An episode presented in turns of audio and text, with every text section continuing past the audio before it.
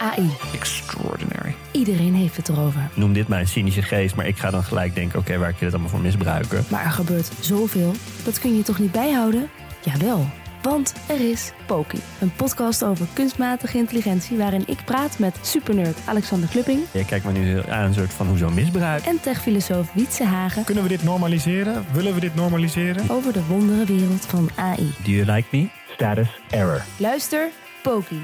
Ik ga nu ophangen. Bedankt. Deze podcast is 100% expertisevrij en alleen geschikt voor amusementsdoeleinden. De inhoud mag dus niet worden beschouwd als financieel advies. Dit is Jong Beleggen, de podcast. Ik ben Milou. En ik ben Pim. In deze aflevering hebben we het over de game-industrie. En die is groter dan je denkt, hè Pim? Ja, ik was extreem verbaasd. Ja, en wij zijn niet zulke gamers, dus hebben we een deskundige gast, Rami Ismail. Ja, we gaan het hebben over de gamemakers, de uitgevers, de platformen en de middleware. De risicoprofielen die daarbij horen. Ja, en wat het plan is van Mark Zuckerberg met de metaverse. Spannend. Gaan we beginnen.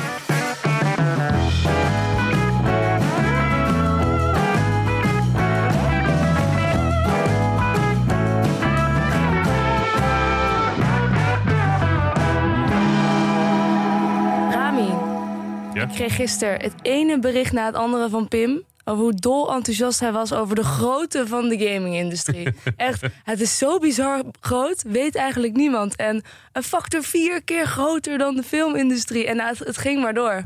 Ja. Gaan we dit redden in een uurtje, denk je? Wow, we kunnen een beginnetje maken. We kunnen een ik. beginnetje maken. Oké, eh, ik ben benieuwd. Eh, je bent niet de minste, je bent ongeveer de game celebrity van Nederland. Je ontwikkelt videogames en je hebt meerdere prijzen gewonnen. Bijvoorbeeld de Game Developers Choice Ambassador Award. Ehm, dan denk je misschien, wat is dat? Nou, wat de Oscar is voor de filmindustrie, dat is dit voor de game-industrie.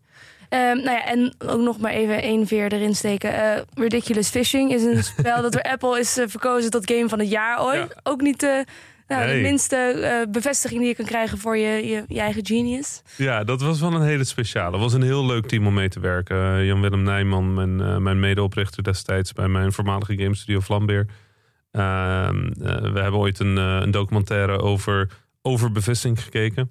En ehm, er zat een heel mooi slow motion shot in van een vis die de lucht ingeslingerd werd. En we hadden het net gehad over ehm Duck Hunt. Het was dan een heel oud spelletje voor de Nintendo. Ja, Waar je dan met zo'n plastic pistooltje op, Ja, je, leuk. op je tv moest mikken. Mhm. En op een of andere manier klikte dat gewoon in ons hoofd. Dus we hebben toen een spelletje gemaakt over vissen met machinegeweren. Eh, en eh, ja, op een of andere manier vond Apple dat heel erg leuk. Ja. Hoe, hoe lang heb je erover gedaan om die game te ontwikkelen?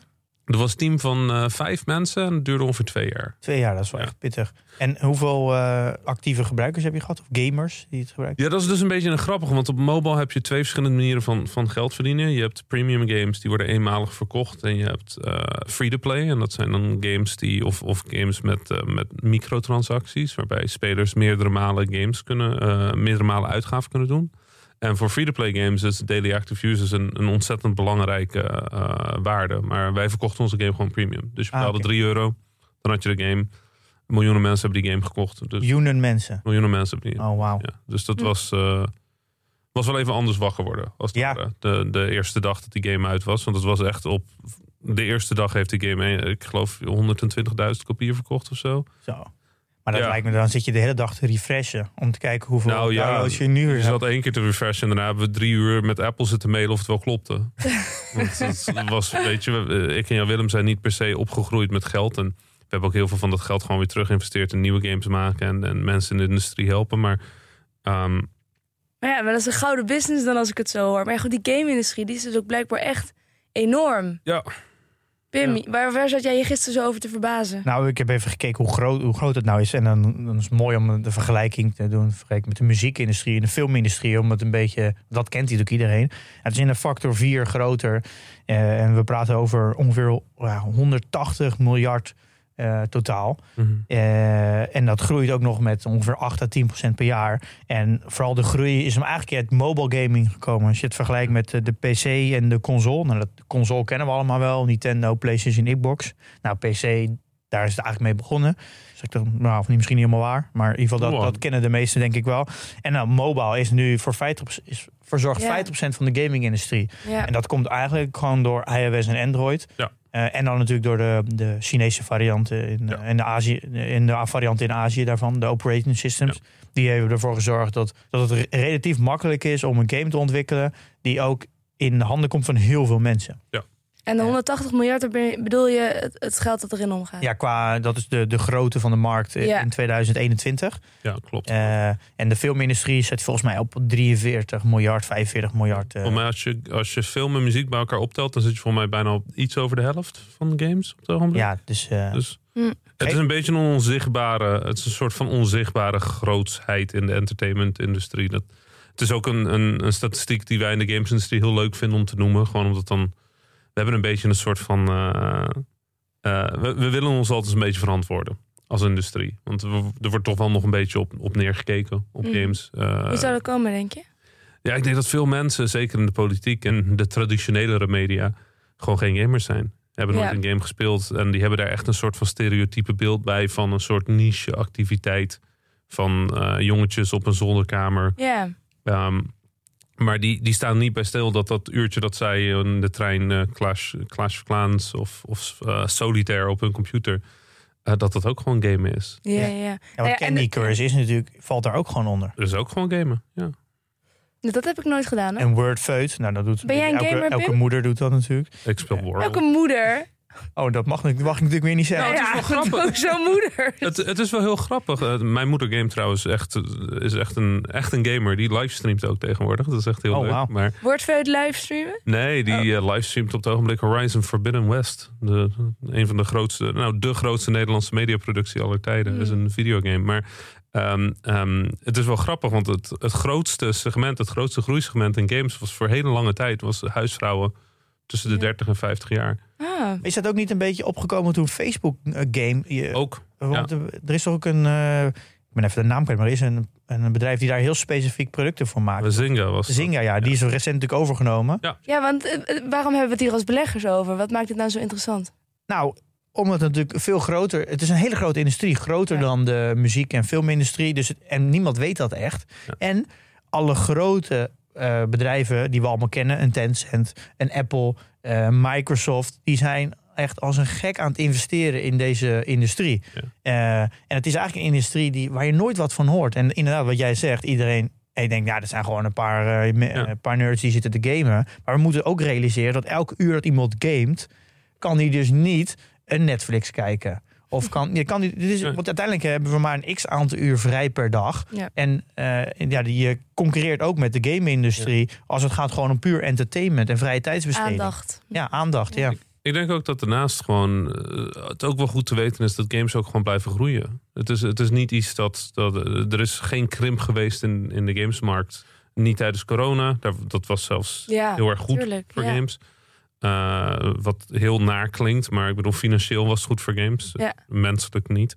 Maar eh, je zou denken dat er op een, eh, ooit moet er een plafond aan komen, maar we zijn er gewoon nog niet. Er zijn nog steeds mensen die meer kunnen gamen. Er zijn nog steeds eh, mensen die nog niet gamen. Ja. Ja. we gaan er in principe vanuit dat op een gegeven moment gewoon de hele wereldbevolking gamet. Ja. Gewoon als onderdeel van Op het wat leven. voor manier dan ook. Wat, ik, ja, wat ja. ik dus heb gelezen, is dat er, om welk onderzoek ik ook lees, ze komen allemaal uit tussen 8 à 10 procent groei voor de komende jaren. Nou, dat is dus samengestelde groei. Dat is natuurlijk eigenlijk gigantisch. Dus als je een, als je een van de betere bent in de industrie, dan groei je vaak beter dan het gemiddelde. Ja. Dus dan kan je al rekenen op minimaal 10 procent groei. En als ik een beetje zo, zo zie, is dat ongeveer de helft van de wereldbevolking, iets minder dan de helft van de wereldbevolking gamet. Ja. En in Nederland is dat ook ongeveer de helft, ongeveer 45% van de Nederlanders gamet. Dus dat betekent dat, dat er al heel veel mensen gamen, maar dat er eigenlijk ook nog best wel veel winst te Ja. halen valt. Ja, dat is, dat is een beetje de vraag. Eh, dat is een beetje de vraag in de gamesindustrie die continu gesteld wordt. Dus oké, de, de helft van de wereldbevolking gamet. Hoe krijg je de rest van de wereldbevolking aan het gamen? Dat zijn interessante vragen. Want eh, ik bedoel, een deel van de wereldbevolking is natuurlijk vergrijzend. Die Ja. gaan niet meer gamen. Dat, dat beseffen wij ons ook wel, dat er maar een hele kleine doelgroep is. Maar naarmate meer jongeren opkomen, is natuurlijk eigenlijk de vraag: hoe krijg je de jeugd eh, in games? Ja. Nou ja, goed. Het klinkt als een hele simpele vraag, maar het is natuurlijk best wel een, een vreemde tijd. De jeugd is heel erg bezig met, met, eh, met TikTok en social media. En je ziet ook een soort van samenvloeiing van die twee concepten. Hoe kunnen we games in social media krijgen? Ja, want Twitch is daar natuurlijk wel een, een- wat overgenomen is door Amazon trouwens. Ja. Is trouwens een, eh, een heel mooi voorbeeld, denk ik. Nee, je ziet inderdaad wat je zegt. Je ziet eigenlijk ieder groot bedrijf op aarde, ieder, ieder, iedere grote investeerder is op een of andere manier op games aan het inzetten op het ogenblik. Want het, het, het groeit. Ja. Ja, Ik, ik- ik- het is ook een leuke vraag om te stellen. Hoe krijg je kinderen buiten? ja, nou dat is ook een hele goede vraag. Maar dat is niet per se een tegenovergestelde vraag. Want Nee, Pokémon Go bijvoorbeeld. Pokémon Go bijvoorbeeld, inderdaad. Dus er zijn zoveel, er zijn zoveel manieren om de, de realiteit van buiten zijn en, en gamen aan elkaar te verbinden. Plus, ik moet je heel eerlijk zeggen, ik denk dat een groot deel van het antwoord van hoe krijg je kinderen buiten, is eigenlijk het tegenovergestelde van hoe wij onze steden bouwen. Want eh, speeltuinen bestaan niet meer, voetbalveldjes zijn weg. Ik bedoel, als, als jij vergelijkt naar hoe ik opgegroeid ben. Nee, ik ben nu wat, 33? Ik ben nu 33. De tijd waarin ik opgroeide was aanzienlijk beter buitenspelen dan, dan nu. Ja. Het is allemaal, eh, alle speeltuintjes zijn gekrompen of kleiner gemaakt. Of de, de glijbaan is weg, want die was gevaarlijk of zo. En, eh, veel auto's. Ja, overal auto's. steeds minder games in de fysieke wereld, steeds meer eh, in de digitale. Ja, Eh, Kan je ons eens meenemen in, eh, in de, de, een beetje de opdeling van het gamelandschap? Want wij kennen Hmm. natuurlijk vaak de output en dat Ja. is het spel zelf. Maar er zit natuurlijk een hele industrie achter. En kan je eens wat meer duiding geven over hoe werken al die lagen in de industrie? En laten we misschien Ja. eens beginnen met gewoon de maker van de game. ja. Dus eh, de, de, de soort van bodemlaag als het ware is de developers. Dat zijn eh, game studios, makers. Dat zijn mensen zoals ik. Dat zijn teams die kunnen variëren van één persoon tot eh, enkele duizenden. Om, één, game, te maken. Ja, duizenden om één game te maken. En vaak zijn dat studios die eigen games maken. Of studio's die in opdracht van andere studio's werken. Dus zeker rondom de wereld heb je heel veel outsourcing. India, de Filipijnen, Oekraïne tot vrij recentelijk helaas.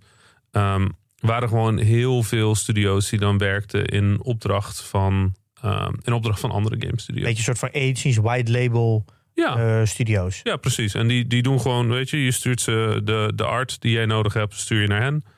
En dan, eh, dan maken zij dat. Ja. En, nou goed, dat is makkelijk. Dus je Dat hebt doe je dus niet zelf als eh, ontwikkelaar. eh, heel veel studio's wel. In mijn studio wel bijvoorbeeld. Ja. Maar zeker als je grotere producties hebt, is het heel moeilijk om te schalen. Ja. Dus aan het begin van zo'n gamesproductie heb je 20 mensen nodig.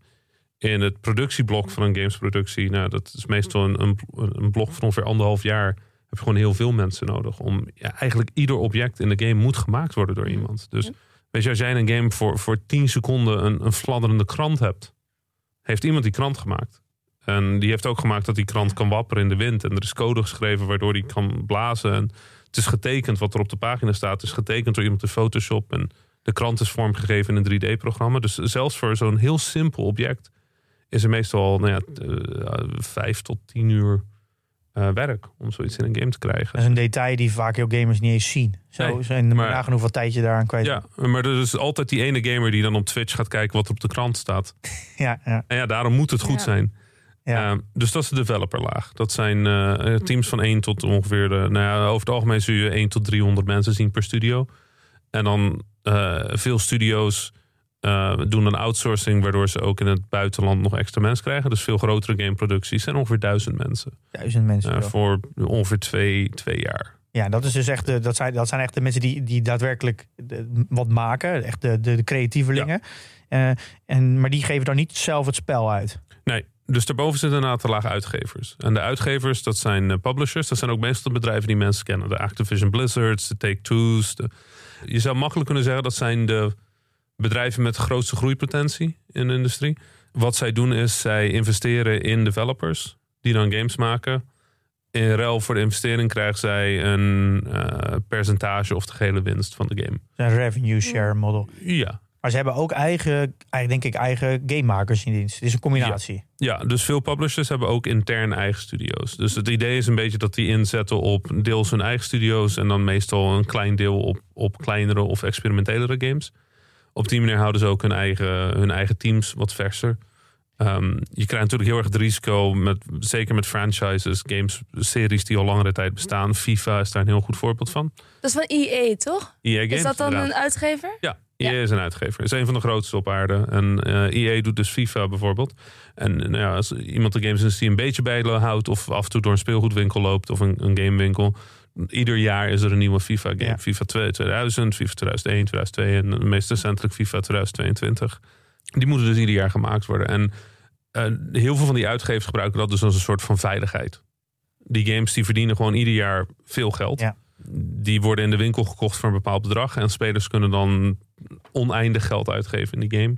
Om hun favoriete team samen te stellen. Dus het is een hele veilige game. Ja, daardoor is dat is eigenlijk qua om belegging voor in zo'n bedrijf veiliger. Omdat ze Ja. heel veel eh, games hebben die, die al zich bewezen hebben in Ja. het verleden. En elk jaar weer gekocht worden. Ja, en daar zetten ze dan tegenover dingen als een EA Originals label. En dat is dus waar ze investeren in kleinere spelmakers. En dus ook nieuwe ideeën proberen te vinden voor de games die ze al maken. Ja, want ze willen uiteindelijk ook een, een nieuwe FIFA lanceren Ja. natuurlijk. De nieuwe gameserie, het nieuwe franchise. Dus de gamesindustrie werkt heel erg in golven. Waarbij als het ware er meestal een aantal jaren zijn waarin een publisher veiliger speelt.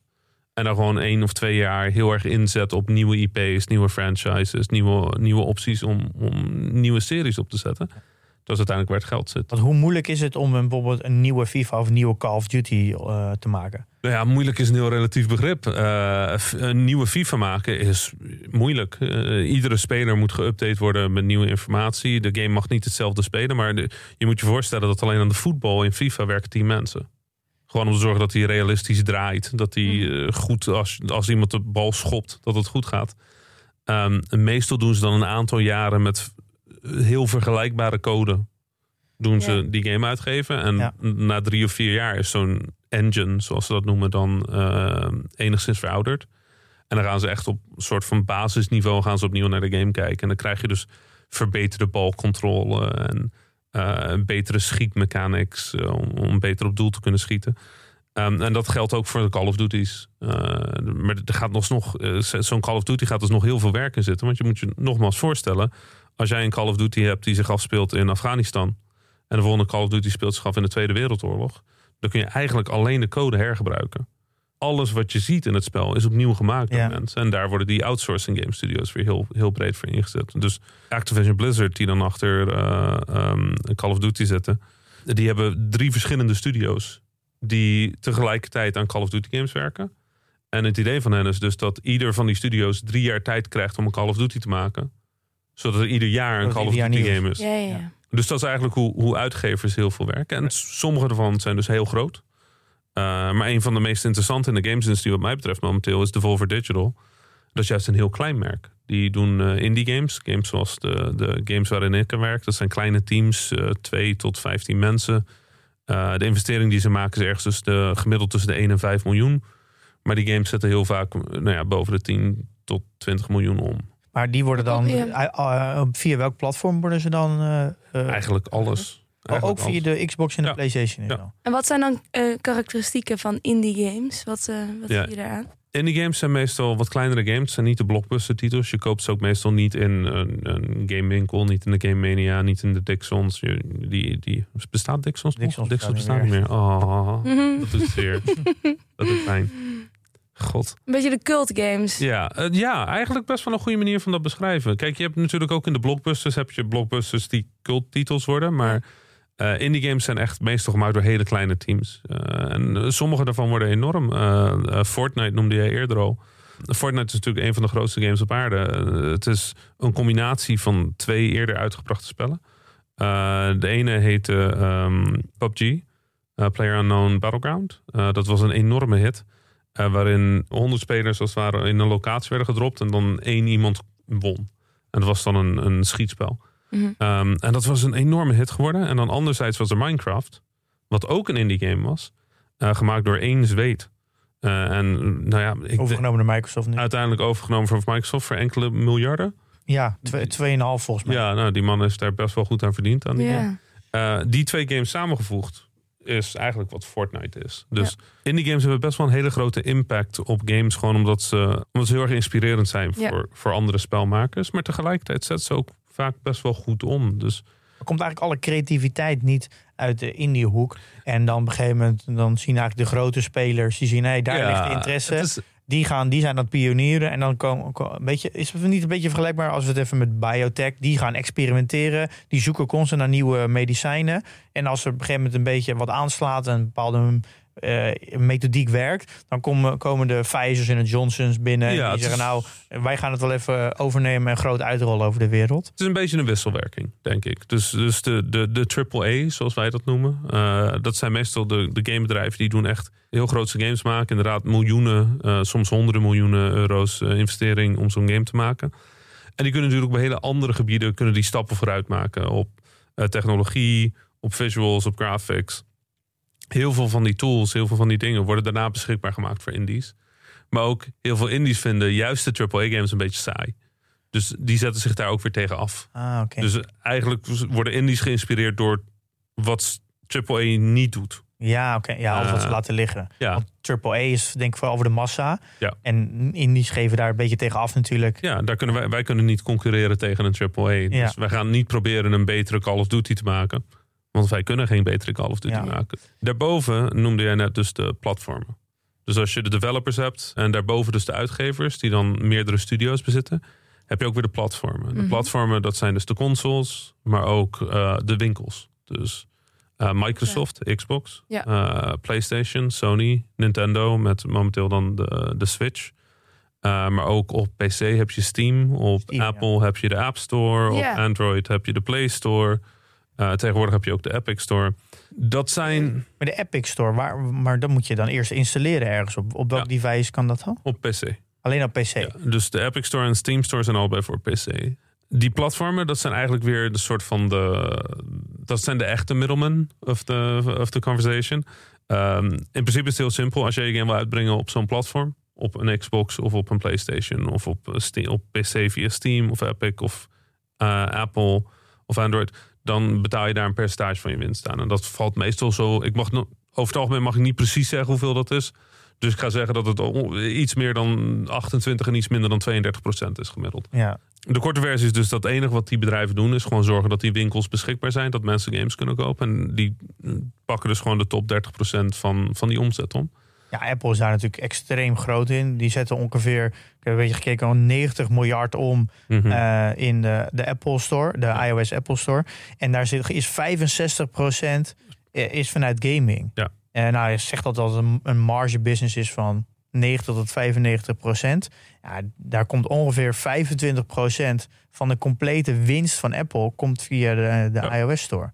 Eh, omdat ze daar 30 procent te pakken. De- de- de- toen wij begonnen met eh, eh, Ridiculous Fishing... toen werd ons verteld dat de reden waarom Apple zoveel van games hield... is omdat het iPads en iPhones verkocht. En tegenwoordig verkopen ze volgens mij iPhones en iPads... omdat het games verkoopt. Mhm. Ja. Dus de- Ja, het is het- die, die groei is zo belachelijk snel gegaan. Ja, dat, is, dat hebben ze natuurlijk heel slim gedaan. Hè? Apple die heeft natuurlijk gezien dat gaming zo groot is op eh, iPhones en iPads. En die hebben dat zo zitten pushen, ook met hun eh, SDK, dus de Software Development Kit. En, eh, Ja. Om een ecosysteem te maken waar developers heel graag Ja. games voor maken. Ja, maar ik vind, ik blijf, dat, het is voor mij ook grappig om te zien, want ik zit nu 15 jaar in de gamesindustrie ongeveer. En eh, nou ja, wat, toen, wat ik net zei, wat, toen wij aan Ridiculous Fishing begonnen, was echt het idee dat wij games maakten omdat sommige mensen dan iPhones en iPads zouden kopen. En tegenwoordig, eh, volgens mij is de hardware mar- eh, marge is erg laag voor Apple. Tegenwoordig verkopen ze die apparaten echt, zodat ze aan games geld kunnen verdienen. Ja. Ze verdienen dus meer aan games dan aan andere spullen. Want- Ja. Dan aan laptops of weet ik veel wat. Ja, Ja. voor mij is de marge erop vrij Ja? laag voor Apple. In eh, de iOS. Store, ik, eh, een beetje een bierveldberekening, die heb ik ook in de show notes staan, is 25% van de winst komt van de iOS Store. Alleen maar de, de, Wow. de iOS Store is 25% van de winst. Ja. En is Waarom hoor je ze daar nooit over dan? Eh, exact daarom. Eh, nou, Epic eh, Games, wat je al aanhaalde, van Fortnite onder andere in de Unreal Engine, die hebben een rechtszaak aangespannen tegen Apple, omdat ze vinden dat 30% te veel is. Dus zij maken alle games, zij moeten al het werk doen en Apple die roomt er even 30% van af. Mhm. Eh, dus die vinden dat er ook een betaalmogelijkheid moet zijn buiten de Apple. Nou, Elon Musk noemt dat eh, dat Apple een, eh, een belasting heft op het internet daardoor. Eh, en waarom Tim Cook daar nooit over praat, is omdat ze Precies omdat- hierom. Precies hierom. Omdat namelijk 25% van de winst daar vandaan komt. En niemand mag dat weten natuurlijk. Ja. Zelfs in die rechtszaak heeft, werd, vroeg de rechter... hoeveel zetten jullie om met de iOS? En zei hij... Ja, dat weet ik niet precies. Dat is, is moeilijk om daar inzicht in te krijgen. Nou, dat is, Onzin. dat is echt de meest kansloze reactie. Dat dat überhaupt geaccepteerd is, dat antwoord. Nou ja, het is heel grappig, want die rechtszaak ben ik dan weer op vreemde manier bij betrokken. Oh ja? Uh, omdat die, uh, een, deel van die, uh, een deel van die rechtszaak is natuurlijk dat Apple moest aantonen dat het percentage dat zij vragen niet buitengewoon is in de gamesindustrie. Dat betekent eigenlijk dat vrijwel ieder platform in de gamesindustrie een, een verzoek van de rechtbank heeft gekregen om dat soort bedrijfsinformatie te delen. En dat hebben ze gedaan door steeksproefgewijs een aantal games die het goed hebben gedaan op ieder platform om daar de financiële gegevens van op te nemen in de bewijslast. Er zaten dus ook games van mij tussen. Ja. Ah, oké. Dus het is best wel grappig als je dan 46 pagina's via de post krijgt. Met erin, nou ja, hey, luister, we moeten de gegevens van je game moeten we even in een rechtszaak tegen Apple Ja. noemen. Ja. Daar kunnen we niet nee tegen te zeggen, want de rechtbank heeft het verzocht. Dus hier is Oh. 46 pagina's met wat het voor je bedrijf betekent. Ik heb die stapel van mij intussen zes keer gehad. Oh. De zaak loopt nog steeds Ja. in, verschillende vormen. Maar dit geeft wel de kracht van het platform aan. Want als we nou even, wat is dan het, het risicoprofiel van die drie die we noemen? De gamemaker, de uitgever en de platformen. Hoe Ja. zou je dat qua risico eh inschalen? Ja, er is er nog eentje, dus la- laten we die nog even toevoegen. En dan gaan we naar, naar, naar het risicoprofiel. De laatste is de middleware. En dat zijn dus de mensen die de programma's maken waarin games gemaakt worden. Ja. Eh, en daar vallen dus eh, twee hele grote tools onder op het ogenblik. Dat zijn Unreal Engine. Van en- Epic Games. van Epic Games. Niet beursgenoteerd. En dan de Unity Engine. Dat is Eh, wel van- beursgenoteerd. Van Unity Technologies. En dat is wel beursgenoteerd. Dat zijn de programma's waarin games gemaakt worden. En een deel daarvan komt omdat ieder platform er baat bij heeft om te zorgen dat games maken voor hun platform zo makkelijk mogelijk is. Microsoft bijvoorbeeld wil dat games maken voor Xbox zo makkelijk mogelijk is en voor PC. Ehm, maar het op zo'n manier te doen dat het niet makkelijk is om die games ook uit te geven op andere platformen. Ja, ja. Dus als jij een game voor Xbox wil maken, is de programmeercode daarvoor gewoon vrij anders dan die voor een Nintendo ja. Of voor een iPhone. of voor een iPhone. En dat is opzettelijk. Eh, dat is, eh, Apple heeft een hele eigen programmeertaal gemaakt. Swift. Eh, ja, Swift. Ehm, Verzuchting. ehm, ja. Eh, dus eh, en eh, iedereen zegt, ieder platform zegt eigenlijk, geeft hetzelfde excuus. Namelijk, nou ja, we willen het zo makkelijk en zo vloeiend mogelijk maken. Dus we maken intern onze tools en we zorgen ervoor dat die zo goed Ja, mogelijk bla bla bla. Ja. bla bla bla. Maar het komt er in principe op neer, we willen dat je als je, dat je moet kiezen. We, willen, we willen dat jij specifiek voor ons ecosysteem En- gaat maken. En hoe groter zo'n bedrijf is in de gamesindustrie, hoe eh, minder subtiel ze daarin zijn. Dus Apple met een eigen programmeertaal is omdat zij ook beseffen dat wij moeten kiezen. Ja. Of Apple of Android. Ja. En als het dus onmogelijk is om je Apple-code ook op Android te runnen, ja, dan gaan we het alleen op Apple uitgeven, want we hebben niet per se geld om het op twee platformen. Nee. Dit is dus de reden waarom er dus nooit een andere telefoon OS eh, succesvol is geworden naast Android en iOS. Omdat het, eh, zelfs Microsoft heeft het geprobeerd. Nou, eh, Even met OS bedoel je operating Ja, system. en, dat is eh, een bestuurprogramma. ja, Ja. Amazon heeft het geprobeerd met de Firephone. Google, Facebook heeft het geprobeerd. Maar het lukt gewoon niet, omdat er voor heel veel ontwikkelaars. Kijk, je gebruikt uiteindelijk een telefoon voor de apps. Ja. En als er ge- geen ontwikkelaars zijn die daarvoor ontwikkelen, dan komt dat ecosysteem nooit van de grond. En dat heeft eigenlijk mee te maken dat Apple. Eh, heel bewust zo, het heeft zo gecreëerd dat, dat als je een app maakt voor Apple, dat het alleen maar werkt voor Apple. Waardoor je altijd eerst voor Apple kiest, want daar, zitten de, Daar zit geld. daar zit het geld, daar zitten de mensen. Ehm, die middleware, de Unity en Unreal, wat die dus eigenlijk oplossen, is dat probleem. Dus voor developers zorgen zij ervoor dat wij maar één keer de code hoeven te schrijven. En dat wij daarna op een knop kunnen drukken die zegt: Oké, nu voor Apple. Dan moeten we alsnog heel veel aanpassen, want een iPhone heeft een ander beeldscherm dan een Android-telefoon. En er zijn ook andere regels op die platform over wat wel en niet mag. Dus er zit er nog steeds wel wat manueel werk bij. Maar we hoeven niet het hele programma opnieuw te schrijven. Ja. Je kan gewoon tegen 80% kan je één keer schrijven. Dat kan je op alle andere platformen gebruiken. En dan ga je nog een klein beetje customizen Ja, en voor platform specifiek. klein, klein beetje is nog steeds zes maanden. Maar, Ja, maar weet dit je, zorgt ervoor dat je met kan. relatief weinig effort eh, aanwezig kan zijn op alle platformen. Dus eh, middleware en de, de eh, engines, Unreal en Unity zijn daar een heel groot deel van. Maar ook ehm, er, zijn, er is middleware voor muziek, WWise, Fmod. Er is middleware voor graphics, eh, Bing Video, weet ik wat. En dat zijn allemaal bedrijven die eigenlijk heel stabiel zijn in de industrie. Gewoon omdat ze toch wel nodig zijn. Maar, maar hoe verdient dan een Unity, en dat is denk ik de meest bekende, hoe verdient die dan geld? Meestal met licentiekosten. Dus dat is ook heel stabiel. Dus die geven gewoon, je hebt gewoon een jaarlijk licentiekosten per gebruiker. Dus als jij, als jij een game, want bijvoorbeeld de Ridiculous Fishing die jij gemaakt hebt, heb je dat dan in eh, Unity gemaakt? Nee, geef hem beide. Dat hebben we echt in Apple's Maar software. dat heb je zonder middleware gedaan. Ja, dus dat hebben we toen. En daarom is die game ook eigenlijk pas heel laat ook op Android verschenen. Omdat we daarna de hele game opnieuw moesten maken. Ja. Ja, dan ben je natuurlijk ook eh, app van het jaar geworden. Want omdat Apple je vond het heel fijn dat er alleen een Apple-versie was. Dat Ja. kan ik je wel garanderen. Dat hebben ze nooit zo gezegd, maar je kan ervan Ja. uitgaan dat dat deel van de overweging was. Ja, Ja, ja, natuurlijk. ja. Ja. Eigen apps eerst. Je eigen apps eerst, ja. ja. En als we, als we dan even, die, even een uitstapje maken in het perspectief van dat middleware. Kan je dan ook wat meer uitleggen waarom Mark Zuckerberg heel graag een eigen eh, eh, platform wil voor de AR en VR?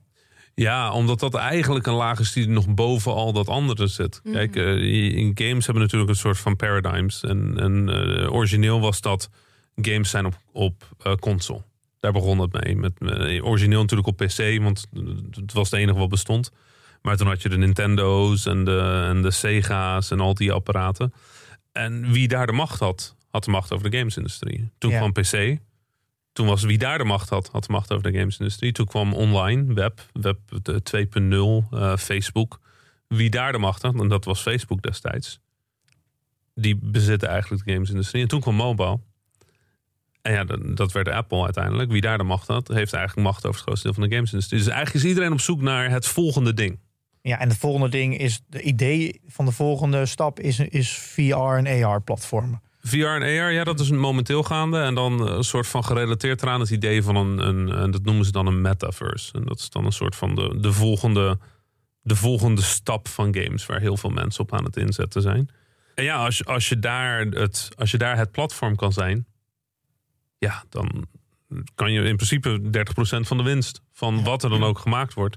Dus eigenlijk wat hij probeert is nu alvast een hele een, een vriendelijke omgeving op te zetten. Ja. Waar developers eh, apps kunnen ontwikkelen voor, de, Ja. voor zijn hardware.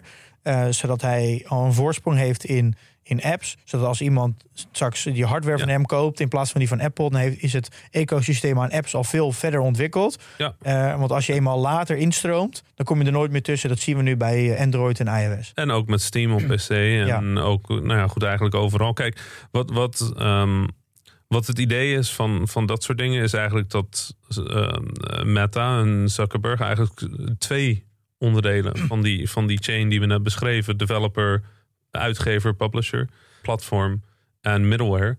Wil hij eigenlijk twee of drie onderdelen van bezitten. Eh, En welke zijn dat? de, de publisher. Hij wil zowel de uitgever zijn als platform. Hij wil het platform zijn en hij wil de middleware maken. En als je, die, Ja. als je alle drie onderdelen bezit, dan is eigenlijk het enige wat overblijft voor developers is gewoon meegaan in wat je doet. Want En je moet dan daar wel voor ontwikkelen. je hebt geen andere opties. Je hebt geen andere optie. Dus er is eigenlijk een soort strategische oorlog gaande onder deze bedrijven in de game-industrie. Apple lijkt aan de winnende hand, want die verdienen heel veel geld erin. Maar eh, er is iets in ontwikkeling wat misschien nog wel. Daar weer voorbij zou kunnen gaan. Ja. En dat is eigenlijk een beetje de, hoe de gamesindustrie altijd werkt. Dus iemand krijgt op een gegeven moment de macht over een deel van de gamesindustrie. Eh, en dan gaat iedereen op zoek naar wat anders. Want Ja. je komt er toch nooit meer voorbij. Ja. Ik bedoel, Amazon lukt het niet. Uh, om Apple voorbij te komen. Nou, als Microsoft is het zelfs niet eens gelukt. Microsoft is niet gelukt, Amazon is niet gelukt. Ja. Uh, iedereen die het heeft ingezet, lukt het niet. Kijk, uh, er zijn onderdelen van de gamesindustrie die ietsje veranderlijker zijn. Op PC is Steam eigenlijk al 12 jaar de grootste speler. Um, maar bijvoorbeeld in console is het eigenlijk continu een strijd tussen Microsoft en Sony. Tussen de PlayStation en de Xbox. En Ja. die, die doen als het ware een soort van over elkaar heen springen iedere keer. Maar ja, de afgelopen jaren ziet het weer uit alsof Xbox die, die voor nu permanent gaat winnen. En dan eindigt eigenlijk de strijd daar. Dus. Ja.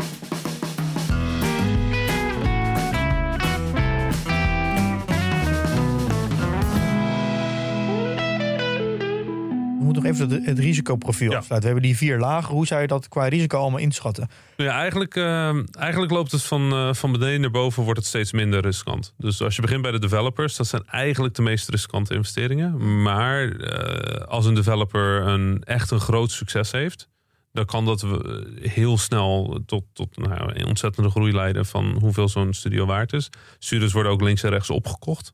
Ja. dus als er kleine studio's zijn of, of middengrote studio's die beursgenoteerd zijn, en dat gebeurt minder vaak, maar het gebeurt wel. Uh, dan zijn dat over het algemeen wel hele interessante dingen om naar te kijken. Ja. Um, je moet wel bij stilstaan dat game developers ook het meest falende onderdeel van de, van de gamesindustrie zijn. Ja. De gemiddelde game doet het niet goed. Uh, dat is dan als je even games over het algemeen pakt. Eh, want voor iedere game die succesvol is, zijn er ook tien games die niet succesvol zijn. Ja. En op de App Store zeker. Eh, voor iedere game die succesvol is, zijn er volgens mij 700 nog wat games die eh, minder dan een euro verdienen. Ja, ja. Dus Vergelijkbaar met de muzikanten natuurlijk. Ja. Er zijn heel veel mensen die muziek maken, maar er zijn maar een paar die echt... eh, Ja. ja. Ja, en ook met de bedrijven. Ja, Gewoon die je opricht. ook Startups. ondernemen in principe Ja. ook. Ja. Het is high risk, high Ja. reward. Ja. Ja, precies. Dan daarboven heb je dus de uitgevers. Die zijn over het algemeen redelijk stabiel. Uh, uitgevers doen niet heel vaak omvallen. Zijn ook heel grote uh, acquisition targets op het ogenblik. Maar uitgevers zijn over het algemeen redelijk stabiel. Ze hebben een, een goed idee van hun eigen risicoprofiel. Ze zijn ook heel erg bezig met zorgen dat ze aan de ene kant hele stabiele uitgaven hebben en hele stabiele inkomsten hebben. En dan een iets riskanter portfolio aan de zijkant. Een goede publisher is, is een, over het algemeen een hele slimme investering. Want ze kunnen redelijk vlot groeien. Ze zitten nog niet aan de top van hun potentie meestal. En uh, tegen de tijd dat ze beursgenoteerd worden, zitten ze meestal in een, in een redelijk sterke groei. Die houden ze ook meestal nog wel een tijdje vol. Maar er zit wel een bepaald risico aan vast. Dat zij natuurlijk altijd een games moeten uitgeven op platformen. Dus ja. uh, ze moeten altijd een percentage afstaan, zeggen ja. tussen de 28 en de 32 procent. Ja. Uh, en dat is natuurlijk altijd wel een risico. Want die, die macht, als die op een gegeven moment een klein beetje verschuift, dan. Uh, kan dat heel riskant zijn. Ja. ja. Uh, klopt. Uh, dus publishers doen niet vaak falen. Als falen is meestal ook wel catastrofaal. Dat is ook gewoon klaar. Ja. En dan is het meestal uh, eindigt het met de assetverkoop, rechten en zo die verkocht worden. En dan houdt zo'n publisher ook gewoon. Ja, want je hebt dan even nu de EA Games, Ja. Electronic Arts, uh, Activision Blizzard Ja. en uh, Take-Two Interactive. Dat zijn een beetje de, de grote publishers nu. Dat zijn echt de hele grote. En dan heb je nog wat andere uh, die ook meespelen in de markt. Ubisoft, Square Enix. Maar dat is een Frans bedrijf, toch? Frans bedrijf. Ja. klopt. Maar Een over van de zeldzaam, zeldzaam Europese bedrijven, Ja, denk ik. klopt. Uh, nou ja, we zitten in mobile is Europa wel aanzienlijk aanwezig. Maar uh, qua, qua grotere AAA-studio's. We hebben hier in Nederland natuurlijk Guerrilla Games. Ja. Is technisch is dat van Sony, van het platform Sony. Ah, oké. Dus daarboven heb je dan weer de platformen. Nou, de pla platformen, ik kan me niet voorstellen dat die ooit instabiel gaan worden. Uh, tenzij het echt de markt heel vreemd schuift in een of andere richting. Um, meestal zijn de platformen ook van hele grote bedrijven die aan zichzelf gewoon een, een compleet ander risicoprofiel hebben. Microsoft is een heel andere investering dan uh, Nintendo of, uh, of nou eigenlijk ieder bedrijf in, in platformen. Maar eigenlijk is Nintendo de enige echte soort van Game directe ja. platformplay. Want Ja. de, alle andere bedrijven, Microsoft, uh, Zijn ook Google. Apple, zijn, die hebben al, ja, op, op, op de totale omzet is een relatief klein percentage. Klopt. Dus ja, wat dat betreft, platformen zijn redelijk stabiel. Maar dan moet je ook moet je eigenlijk veel meer gaan letten op wat ze nog meer doen. Eh, gewoon omdat het niet gamesbedrijven zijn. Ja, het ja. zijn meestal gewoon bedrijven waarvan een groot deel dan games is. Eh, wat wel interessant is, bijvoorbeeld eh, wat ik net al noemde, Guerrilla Games hier in Amsterdam, is technisch een bedrijf van Sony. Dus die uitgevers kunnen ook onderdeel zijn van een platform. Platformen kopen Ja. ook heel vaak game studios op. Gewoon om te zorgen dat ze goede, eh, goede eh, content hebben. Dat ze, dat ze leuke games hebben. Maar dat is wat je nu juist ziet. Is dat Ja. al die platformen die willen natuurlijk uiteindelijk unieke games hebben. En niet een game die alleen maar is voor hun platform. En is dat de reden waarom nu zoveel Nou, overnames zijn? Ik denk eigenlijk dat het te maken heeft met de switch van eh, businessmodel. Dus de gamesindustrie is heel lang geweest, eh, zeker op, eh, op consoles en PC. Was het eigenlijk heel lang dat je een game premium kocht. Dus je betaalde 60 euro, dan had je een game, die kon je oneindig spelen. Op mobile hebben we geleerd dat eigenlijk een veel beter verdienmodel is om mensen games gratis te laten spelen. Mhm. Maar ze dan de mogelijkheid te bieden om eigenlijk oneindig geld te kunnen uitgeven in de game. Meestal via hele kleine transacties. Dus 99 cent om een level over te slaan. Oh, ja. Of eh 2 euro om eh, een bepaald item te krijgen. Of Ja. een nieuwe skin of zo. een nieuwe skin. Dat je poppetje er anders uitziet. Dat je een, een, een nieuwe hoed Oh, krijgt. betalen mensen daar echt voor? Maar Ja, dat, is dus, dat, is het, dat heet freemium dus. Dat heet freemium of free-to-play. En eh, ja, je zou je afvragen, geven mensen er geld aan uit? Eh, recentelijk bracht Activision Blizzard eh, Diablo Immortal uit. Dat is dan een, een, een, een nieuwe mobiele versie van een hele bekende eh, PC-game. Volgens mij moet je daar tussen de 1000 en 15.000 euro in uitgeven om een specifieke Legendary Gem te krijgen die je nodig hebt voor de beste items. Er zijn daar spelers die meer dan 110.000 euro hebben uitgegeven. Dus ja, ja Wauw. freemium verdient heel goed. Want vrijwel iedereen wordt op een gegeven moment wel overgehaald. Dus de gamesindustrie ook echt... Ik moet persoonlijk zeggen dat ik het een beetje naar vind. Maar we zijn, wat wij doen als werk is natuurlijk... eh, We zijn eigenlijk psychologen. Wij zorgen ervoor dat mensen snappen wat ze moeten doen, hoe ze het moeten doen, hoe ze er moeten komen. En dat ze er lol in hebben dat ze dat doen. Dus je kan ook heel goed games maken die echt specifiek gemaakt zijn om mensen zo, zo geniepig mogelijk te overtuigen Ja, eh, geld uit Ja. te geven. Ik ben er geen fan van. dat het heel moeilijk wordt om de weerstand aan te bieden. Ja, dus, nou ja, bijvoorbeeld, je moet nooit om geld vragen in het eerste uur van de gameplay. Hm. Ja, maar dat is, dus, dit is, Dat heel, soort dingen. dit is Ja. heel interessant wat je zegt. Want ik kom uit het beetje designershoek. Ja. Daar heb je een hele lange periode gehad dat het allemaal... Dan kwamen de boeken uit zoals Hooked en zo. Ja. Waar je dus als... Ja, dan vanuit een UX-perspectief. Dat is meer... ja, ik heb ook vakken op school gehad waar ging het over psychologie. Ja. Hoe kan je nou mensen eh, overtuigen of bepaalde mensen sturen, nudgen, dat ze Ja. door een bepaald product heen gaan. En dat werd gezien vanuit maak het product gebruiksvriendelijk. Ja. Maar dat sloeg natuurlijk een beetje om naar Trek zoveel mogelijk. ja, hoe- maar dark patterns en zo. Hoe- dark hoe- patterns ja, hoe gaan we mensen zo krijgen dat, dat wij gaan bepalen als maker wat Ja. zij gaan doen? Ja. En heel veel voorbeelden kwamen Ja, altijd uit de is- game, in dat- Gamehoek. dat, dat is ons werk, maar dat was ons werk vroeger al. Hoe krijg je in een Pac-Man het voor elkaar dat je wel de, de, de, pillen- de puntjes wil pakken, maar dat je bang bent voor de spookjes? Weet je, dat- dat- vanaf Ja. het begin der tijden is dat wat games is. We maken een wereld en dan moet jij impliciet begrijpen wat de bedoeling is. Ja. Jij Dat moet in die regels van die wereld moet je opereren. Ja, Ja. maar eh, tegenwoordig is games ook heel veel data-analysten. Bijvoorbeeld, eh, als we, een, als we een eh, knop hebben waarin je de ene knop is wel geld uitgeven en de andere knop is niet geld uitgeven. Dat er gewoon AB getest wordt met verdient de knop beter als die links staat of als die rechts staat. ja, ja. De gamesindustrie is dus langzaam aan het omslaan naar dat model. Ja. En Dat heeft dus voornamelijk mee te maken dat het gewoon veel stabieler is. Ja. Eh, als, als jij er echt vanuit moet gaan dat mensen voor 60 euro jouw game kopen, dan gaat het er eigenlijk om dat je een zo groot mogelijke klap maakt als de game uitkomt. Ja. Het moet meteen goed gaan. En als het niet goed gaat, ben je ook meteen klaar. Want je hebt geen geld meer voor marketing, je hebt geen geld meer voor investeringen. Dus dan houdt het verhaal op. Dus voor de gamesindustrie is het aanzienlijk stabieler om een game te maken die gewoon veel gespeeld wordt en continu opnieuw gespeeld wordt. Ja.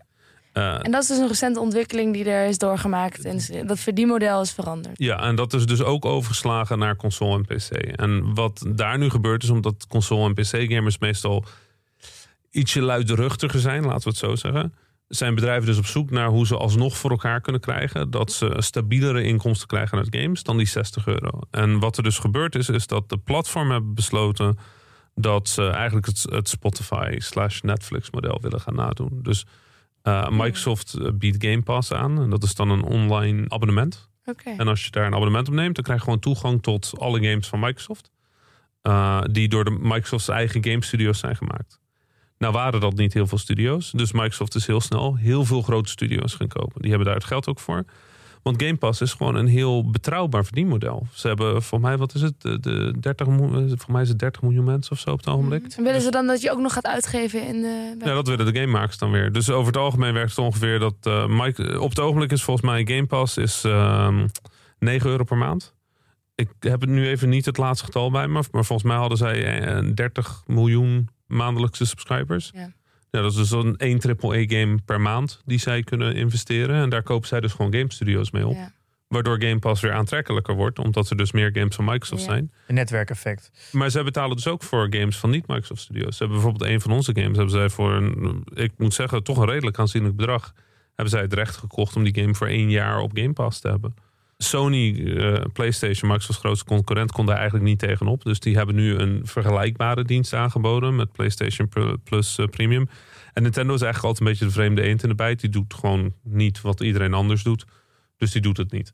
Maar eh, Apple heeft Apple Arcade. Google wilde een vergelijkbaar programma opzetten. Ik weet nooit eigenlijk niet of dat echt goed gegaan is. of zo heet dat. Stadia. Stadia. Stadia, dat- Ja, Stadia proberen aan te bieden. Een streamingdienst. Eh, maar eigenlijk alles komt erop neer dat iedereen wil dat je maandelijks geld gaat betalen. Ja. En dat betekent dus ook dat type games verandert. Want games die je in één keer uitspeelt, zijn dus minder interessant. Ja, het moet een soort van oneindige game worden daardoor. Omdat je namelijk elke maand blijft betalen. Ja. Net als bij Netflix. Je kan niet zeggen, we, dit is de filmlibrary en je betaalt elke maand. Nee, dan wil je ook elke maand dat er nieuwe, Ja, maar nieuwe series en nieuwe films bij komen. Maar ja, dat is een beetje het voordeel van games. Dus we hebben geen, er zit geen tijdslimiet aan games. Kijk, dat is ook een verschil dat veel mensen, waar veel mensen niet bij stilstaan. Maar bijvoorbeeld een verhaal in een game.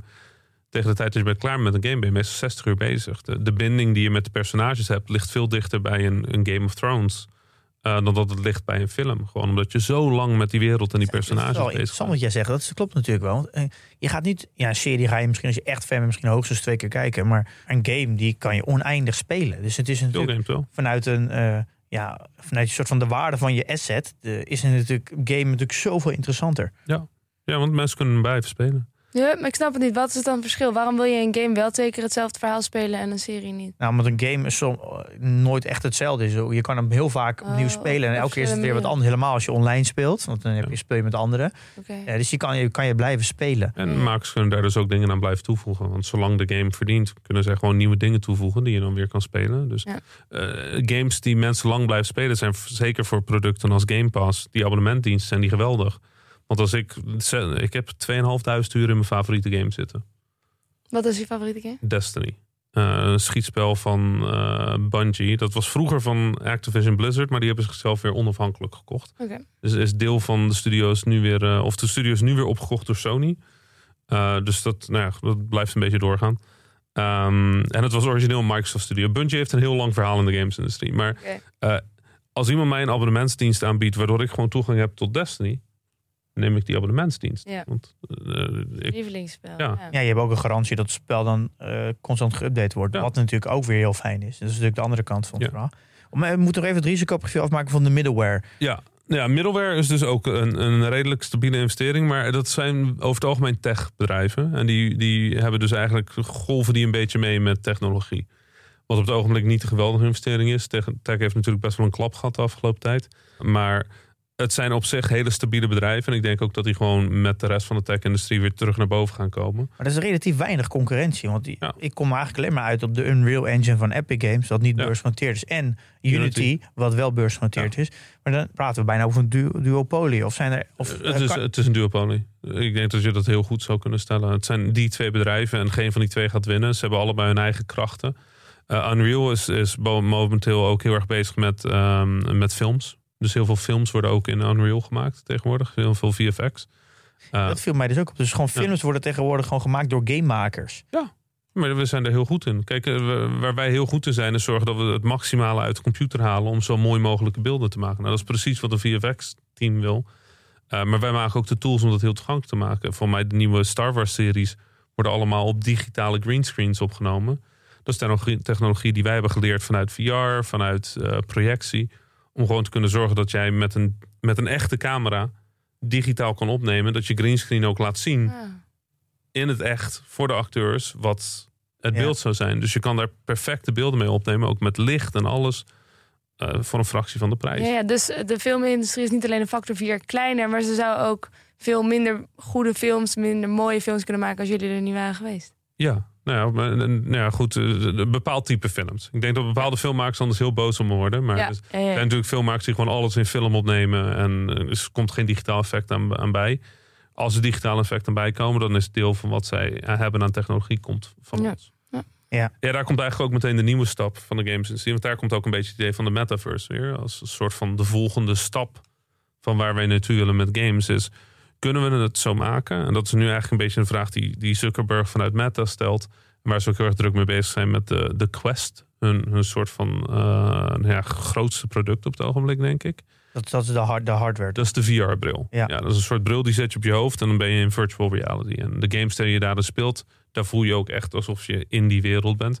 Als je ooit een keer een, eh, een achtbaan in zo'n VR-app, doet- in zo'n VR-bril doet, dan voel je ook echt je, je buik aanspannen voordat je de, de, de val in een achtbaan hebt. Want je hersens kunnen gewoon niet helemaal het, het verschil meer, Nee. meer grijpen. Dus je lichaam bereidt zich voor omdat je hersenen denken dat het echt is. Ja, eh, echt genoeg dat je Ja. overtuigd bent. Maar als je dat eenmaal een keer hebt gedaan, dan, dan weet je hoe bizar Ja, het, deze, te- te- deze technologie gaat zijn. Ja, eh, VR is een erg krachtige technologie. Maar wat de vraag nu eigenlijk is, is hoe kunnen we de echte wereld binden aan gamewerelden?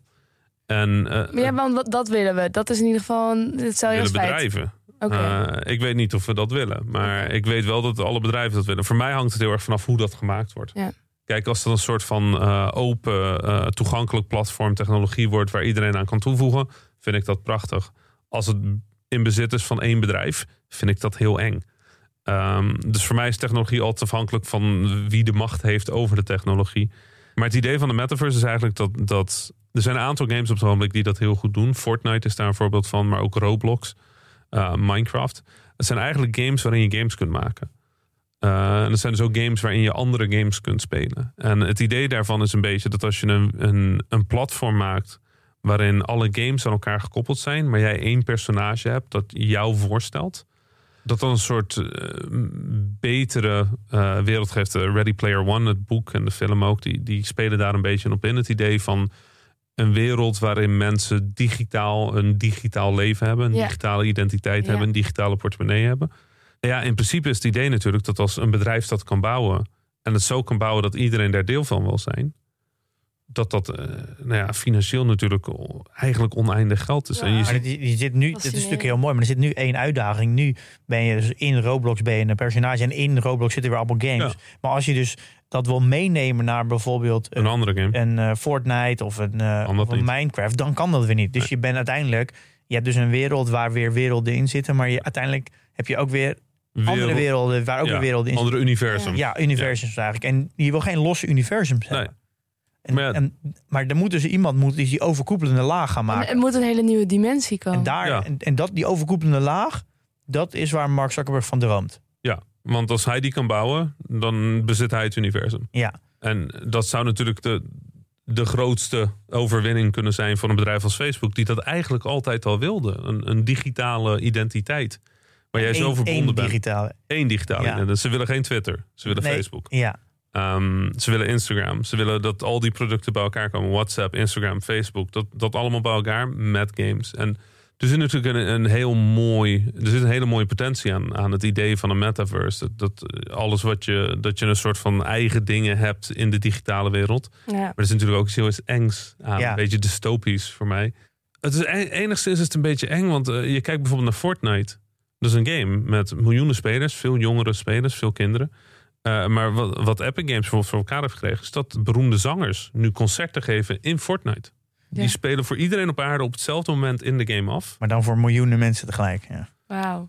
En dat zijn dus echt online... die worden ook met de artiesten samen worden die gemaakt... met visual effects en, spe- en, en, en speciale gamecode, speciale evenementen. En dat is Ja. wel vet hoor. Hoewel je natuurlijk niet met je vrienden bent. En wat me nog een bijkomend voordeel lijkt, is dat je niet zoveel wachtwoorden hoeft te onthouden.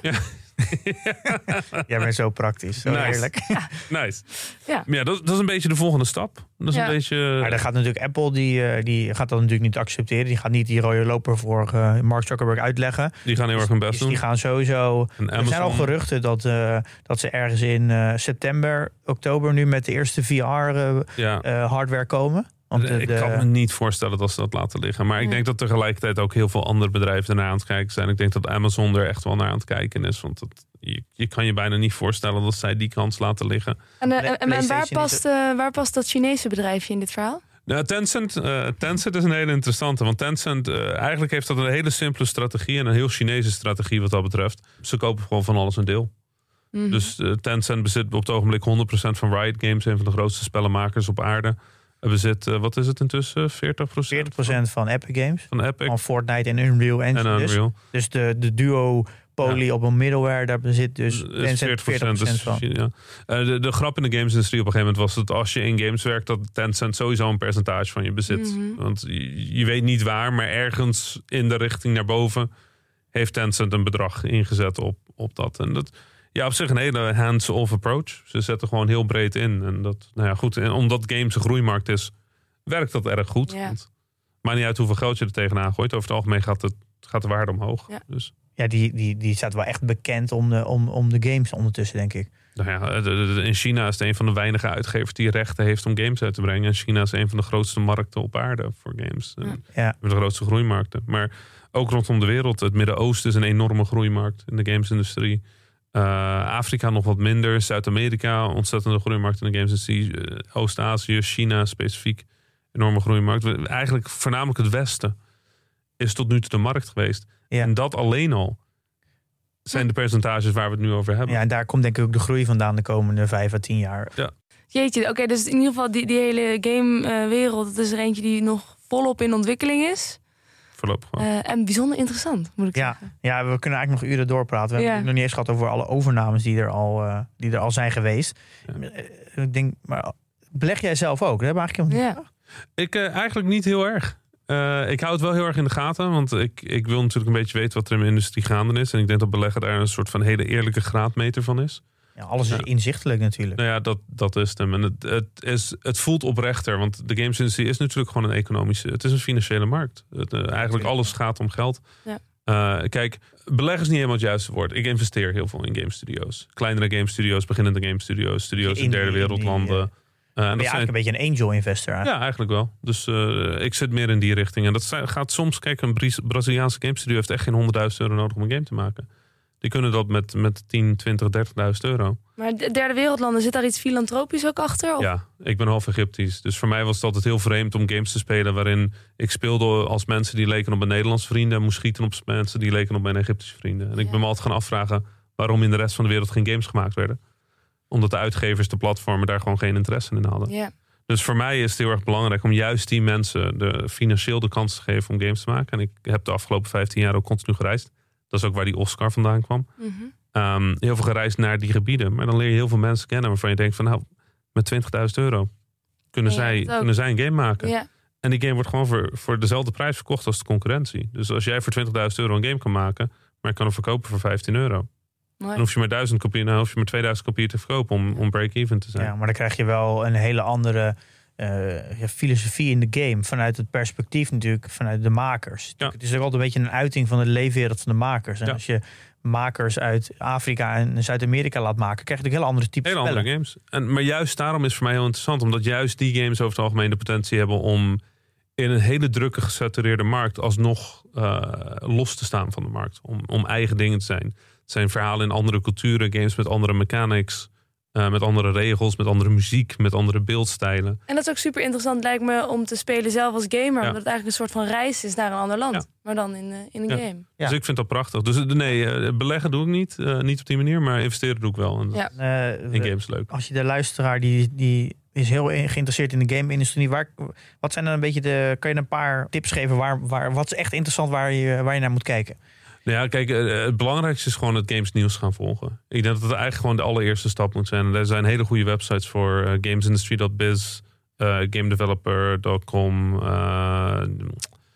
even kijken, nou, dat zijn eigenlijk wel de twee grootste. En dan vanaf daar kom je het eigenlijk allemaal wel tegen. Maar gewoon de, de gamesindustrie een beetje bijhouden. Want als je, ik denk dat als je gewoon een, een paar maanden gewoon dagelijks heel even checkt bij games, dus een heel goed beeld kan krijgen van, van hoe dingen lopen. Gamesindustrie is ook heel netjes en ook op Twitter kun je oneindig eh, analisten vinden die ook echt heel erg goed zijn. Eh, Mike Fudder en eh, ehm, Daniel. ehm, eh, Z-H-U-G-E-X op Twitter. Die volgt eigenlijk de hele Aziatische markt.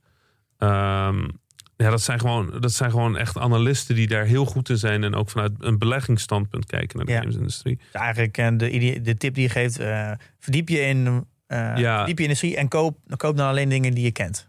Nou ja, Een ja hele goede tip. de, kijk, je, de stabiele kun je altijd op inzetten. Maar de, de stabiele dingen, daar zet iedereen op in. Als jij op zoek bent naar gewoon iets dat stabiel is en, en licht groeit. Ja. Zet in op Unity, zet in op... En Unity heeft nu even vanuit tech een klap gekregen. Maar zet in op Unity of Microsoft of Sony. Maar dat zijn techbedrijven. Ja. Als je in wil zetten op games, is dat eigenlijk inherent ietsje eh, risicovoller. Eh, en ja, dan moet je gewoon een beetje kijken naar wat de gamesindustrie doet. Ja, en er zijn natuurlijk ook weer ETF's voor, want je hebt overal een ETF voor. Ik heb er een paar gezien, staan er in de show notes, staan ze klaar. Ehm, en als je erin uitzoekt, kijk dan wel altijd even naar de, de top 10 grootste bedrijven natuurlijk, waar eh, de, die- de top 10 grootste posities, Ja, posities, ETF in ja. zit. Het ze verschillen nogal. Ja, Eh, en er is natuurlijk de Nederland, Nederlandse Van Eck. Die eh, biedt het ook aan, dus dan blijft het eh, dicht bij huis. ja, en dat is altijd prettig. Portfolio? Ja, niks gedaan eigenlijk, dus er valt niks eh, te vertellen. Bij mij ook niet. Het is wel een beetje opgeveerd weer, hè? Ja, het gaat weer wat omhoog, maar het, het kan ook weer zo weer naar beneden Ja. gaan. Het, gaat, het zijn hele rare tijden. Oké. Ehm, nou, dan, eh, dan zijn we er doorheen. Ik denk dat je nog een keer terug moet komen, Rami. Ik zou het hartstikke leuk vinden. Ja, dankjewel eh voor al je kennis. Ja, bijzonder zo'n inkijkje in een wereld die inderdaad grotendeels toch onzichtbaar is en blijkbaar wel zo groot, eh, onvermoed. Dus ja, bijzonder interessant echt. Dus dankjewel daarvoor. Dank jullie. En succes met je nieuwe carrière als piloot. Ja, ja eh, lekker rondje vliegen. Ja. het, is een, het is eigenlijk een beetje uit de hand gelopen hobby. Want ik maak nog steeds games en ik blijf ook gewoon actief in de gamesindustrie. Maar Ja, vliegtuigje vliegen, leuk. ja superleuk. Eh, volgende week gaan we het hebben over centrale banken. Dat, Ja. Daar kijk ik heel erg naar uit. Ik Ja, ben de- altijd al van die macro-onderwerpen. Ja, de ECB en de Fed. Ik verbaast me eigenlijk dat we die niet eerder over hebben gehad. Mhm. Eh, het is trouwens wel heel actueel. Eh, de, de, ja, eigenlijk de, de beleid van de centrale bank en dan vooral de twee grote westerse, die hebben extreem veel invloed op de beurs. Eh, dus eh, ja, daar moeten we het eens over hebben. Oké, gaan we doen. Nou, en dan eh, in de tussentijd, jongens, investeer in je kennis en beleg met beleid.